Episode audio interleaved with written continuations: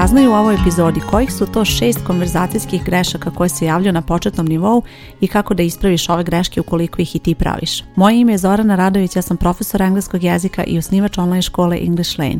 Ovo što slušaš je English Lane podcast gdje pričamo o korisnim savjetima i lekcijama za učenje engleskog jezika. Sada slušaš epizodu broj 142 English Lane podcasta i u ovoj epizodi podelit ću sa tobom kojih su to šest konverzacijskih grešaka koje se javljaju na početnom nivou i kako da ih ispraviš, kako da ovakve rečenice izgovoriš tako da one budu gramatički pravilne i naravno da ostane značenje ono što želiš da preneseš u takvoj situaciji. Konverzacijske greške su greške koje se javljaju kada pričaš, odnosno kada koristiš engleski jezik i savjetujem da iako si na početnom nivou probaš da koristiš engleski jezik bez obzira što će biti grešaka i ovih, a možda i nekih drugih, jer greške jesu neophodan deo učenja i nešto što će tebi pomoći zapravo da naučiš kako da pravilno koristiš engleski jezik vremen vremenom. Dakle, nemoj da se bojiš ovakvih grešaka, ali je važno da ih razumeš, da ih prepoznaš i da naučiš iz njih, odnosno da naučiš kako da pravilno izgovoriš takve rečenice ili fraze koje ćeš vidjeti naravno i ovim primjerima. Prvi primjer je nešto što ja mislim najviše čujem kada je u pitanju konverzacija na početnom nivou, a poslušaj sada rečenicu. I read some book while I was on holiday.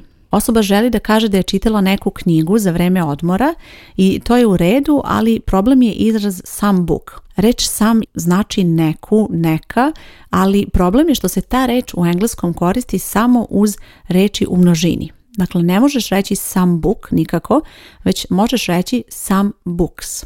Ukoliko želiš da naglasiš to neku knjigu, znači da je u pitanju neka neodređena knjiga, dovoljno ti je da upotrebiš član a, e, a e book taj član e, on već znači to neodređeno. Čitala sam neku knjigu, znači baš to na engleskom a book i vrlo je jednostavno rješenje. Znači ukoliko imaš nešto neodređeno, neki pojam koji je neodređen, u ovom slučaju je to knjiga, ali može biti i nešto drugo, imaju vidu da ako je pojam u jednini, koristiš neodređeni član a, e, odnosno n, a ukoliko je u množini, onda koristiš sam. Čula sam mnogo ovakvih primjera, recimo I watched some movie ili I bought some dress. Sve su to primjeri gdje ljudi koriste reč u jednini i reč sam, a to nije moguće, odnosno nije pravilno kada je u pitanju gramatika engleskog jezika. I sada ću ti navesti i tri primjera kako da pravilno kažeš ovu rečenicu. Prva opcija je sljedeća. I read a book while I was on holiday. Ukoliko je jedna knjiga, reći ćeš a book. Druga opcija je I read one book while I was on holiday. U ovoj rečenici naglašavaš da je jedna knjiga, nije više neka knjiga, već jedna knjiga, ali i to je dobra opcija, znači one book. Sljedeća opcija je I read some books while I was on holiday. Znači može sam da se upotrebi u ovoj rečenici, ali mora da bude books. I read some books while I was on holiday. Pročitala sam neke knjige kada sam bila na odmoru. I može biti I read several books while I was on holiday, pročitala sam nekoliko knjiga dok sam bila na odmoru. Ovdje smo imali several books, to je sigurno više nego jedna i probaj da upotrebiš ovu reč several, da zapamtiš i da povežeš to several i sam da zapamtiš da su to reči iza kojih sledi pojam u množini, a ako je pojam u jednini koristit ćeš neodređeni član. Neodređeni član je reč e, odnosno n u zavisnosti toga na koje slovo počinje sljedeća reč. Sada dolazimo do sljedeće rečenice u kojoj imam dve greške. Dakle, druga i treća greška su zajedno u jednoj rečenici i poslušaj onog primjer rečenice pa ćemo onda da vidimo i koje su to greške. Ovo su dve greške koje često čujemo u kombinaciji kada je u pitanju konverzacija na engleskom na početnom nivou i vrlo je važno da razumeš zašto se javljaju ove greške i kako da na pravilan način ovo izgovoriš jer su ovo rečenice koje su jako korisne na početnom nivou kada opisuješ nešto, možeš ih koristiti i onda će ti to biti jako korisna vežba za vežbu konverzacije, ali opet bitno je da sve što govoriš kada govoriš izgovoriš pravilno i posebno na početnom nivou da naučiš da rečenice koje izgovaraš budu gramatički pravilne. Rečenica glasi ovako. There is two tables on this image. Pa hajde da analiziramo ovu rečenicu. Dakle, imamo dve greške. Prva greška je reč is. There is two tables. Is je oblik glagola to be koji koristiš kada je pojam u jednini, a u ovom slučaju tačno bi bilo upotrebiti are. There are two tables. Dakle, ukoliko pominješ pojmove ima ih više na slici, onda koristiš there are a ukoliko je jedan pojam, there is. A druga greška, odnosno treća ukupno u ovoj epizodi, a druga u ovoj rečenici je ova reč on, on this image, treba da bude in, in this image. Umjesto reći image možeš upotrebiti i reč picture, ali opet bi bilo isto in in this picture kada opisuješ nešto što se nalazi na samoj fotografiji. Ukoliko se nešto fizički nalazi na fotografiji, recimo fotografija je postavljena na sto i onda preko toga stoji neki papir ili neka čaša ili šta god, onda je to on kada se nalazi zaista onako fizički na njoj. Ali ukoliko je nešto uslikano i nalazi se na toj fotografiji, onda moraš da upotrebiš predlog in. I poslušaj sada kako bi glasile pravilne rečenice.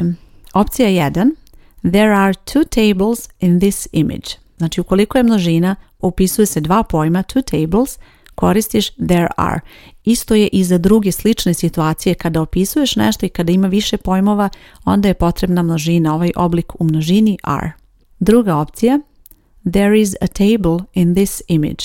Ovdje imamo sada a table zato što je jedan sto, misli se na jedan pojam i onda možeš koristiti is. There is a table. I treća opcija, možeš reći there is one table in this image. Ne možeš reći u kombinaciji a e i one zajedno, to nikako, ali možeš reći odvojeno there is a table, there is one table. Isto je, odnosno misli se na isto, postoji jedan sto, a oba se koriste u jednini, samo je to bitno da upotrebiš ili jedno ili drugo, nikako u kombinaciji.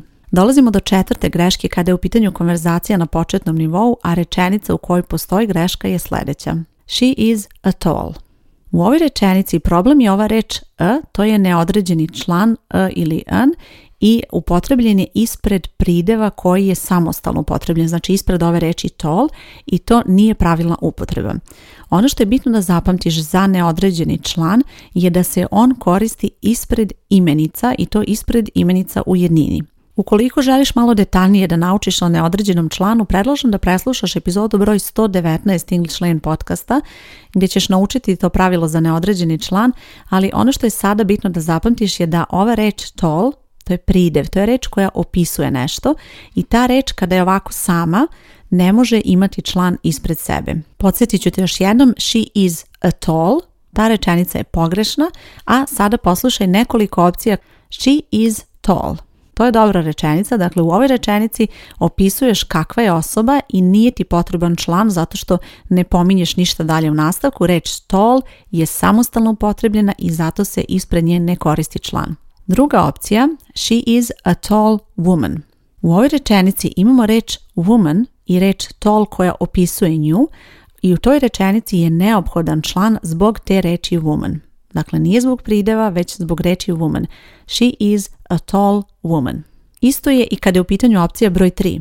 She is a tall girl. Imamo reč girl, što je imenica i zbog nje mora da se upotrebi ovaj član. Možeš reći she is a tall girl, Možeš reći samo she is a girl bez prideva uopšte, možeš upotrebiti i neki drugi pridev she is a happy girl. Sve su to opcije kako možeš koristiti reči koje znaš, da ih iskombinuješ i da napraviš različite vrste rečenica, ali uvijek je bitno da zapamtiš pravilo zbog čega koristiš određeni, odnosno neodređeni član i u kojoj situaciji se koristi i ovo je jedna upotreba koju treba da savladaš na početnom nivou. Članovi u engleskom su tema koja se uči od početnog do naprednijeg nivoa i zato je bitno da učiš učiš pomalo ova pravila i dolazimo još do jedne opcije kako možeš preformulisati onu rečenicu she is tall. Možeš reći she's tall. Dakle, opet nema člana jer je pridev samostalno upotrebljen tall, ali u ovoj rečenici upotrebljen skraćeni oblik she's tall. Isto znači kao i she is tall, to je isto značenje, samo je upotrebljen eto taj skraćeni oblik. Sljedeća peta greška koja se javlja u konverzaciji je nešto što je tipično za početni nivo, a problem je red reči i poslušaj sada rečenicu u kojoj nije dobar red reči. On the chair is my dress. U ovoj rečenici problem je red reči i to je nešto što je bitno da naučiš na početnom nivou. Kada učiš engleski jezik, ovakve rečenice mogu biti nešto što ćeš koristiti pre svega zato što se oslanjaš na materni jezik i pokušavaš da ono što zamisliš i ono što želiš da kažeš na maternim jeziku bukvalno preneseš i na engleski jezik, ali je bitno da zapamtiš da recimo ovdje kada opisuješ gdje se nešto nalazi, Prvo pomeneš šta je to što pominješ, pa tek onda kažeš gde se to nalazi. Poslušaj sada opcije za ovu rečenicu. My dress is on the chair. Ovo je bitno da naučiš na početnom nivou ovaj pravilan red reči zato što je to nešto što će ti biti veoma korisno kako napreduješ sa učenjem, da možeš uspešnije da naučiš pravilan red reči, da možeš da naučiš druge rečenične konstrukcije i da možeš da proširiš ovakve rečenice na pravilan način. Ne postoje baš fiksna pravila kada je u pitanju red reči u engleskom i vidjet ćeš da kako napreduješ sa učenjem postoje razne konstrukcije koje će ti omogućiti da promeniš taj red reči, ali to nije nešto što ti je potrebno na početnom nivou. Na početnom nivou ti ne trebaju komplikacije, trebaju ti jednostavna rješenja koja će ti pomoći da kreneš da koristiš polako engleski jezik i da naučiš osnovna pravila, a da onda vremenom možeš da napreduješ i da proširiš ovakve rečenice. Zato kada pominješ pojam i kada želiš da opišeš gdje se nešto nalazi, Prvo pomeni taj pojam, onda upotrebi glagol to be, a onda reci gdje se to nalazi. I evo odmah ću ti dati nekoliko opcija da možeš da razumeš o čemu se radi. The vase is on the table. Znači u ovoj rečenici imamo šta, the onda imamo glagol to be, to je ovo is, i onda on the table. Ovaj deo pokazuje gdje se to nešto nalazi. Onda sljedeća rečenica. The cat is in the garden. Na početku imamo ovo the cat, to je pojam koji želiš da opišeš gdje se nalazi, onda imamo glagol to be, to je is i sada imamo in the garden, dakle ne mora uvijek biti on naravno, može biti in, može biti under, to su predlozi koje ćeš učiti vremenom, ali bitno je da kada je u pitanju to mesto gdje se neko nalazi ili nešto, to bude na kraju rečenice. Dakle, mesto gdje se nešto nalazi nemoj koristiti na početku.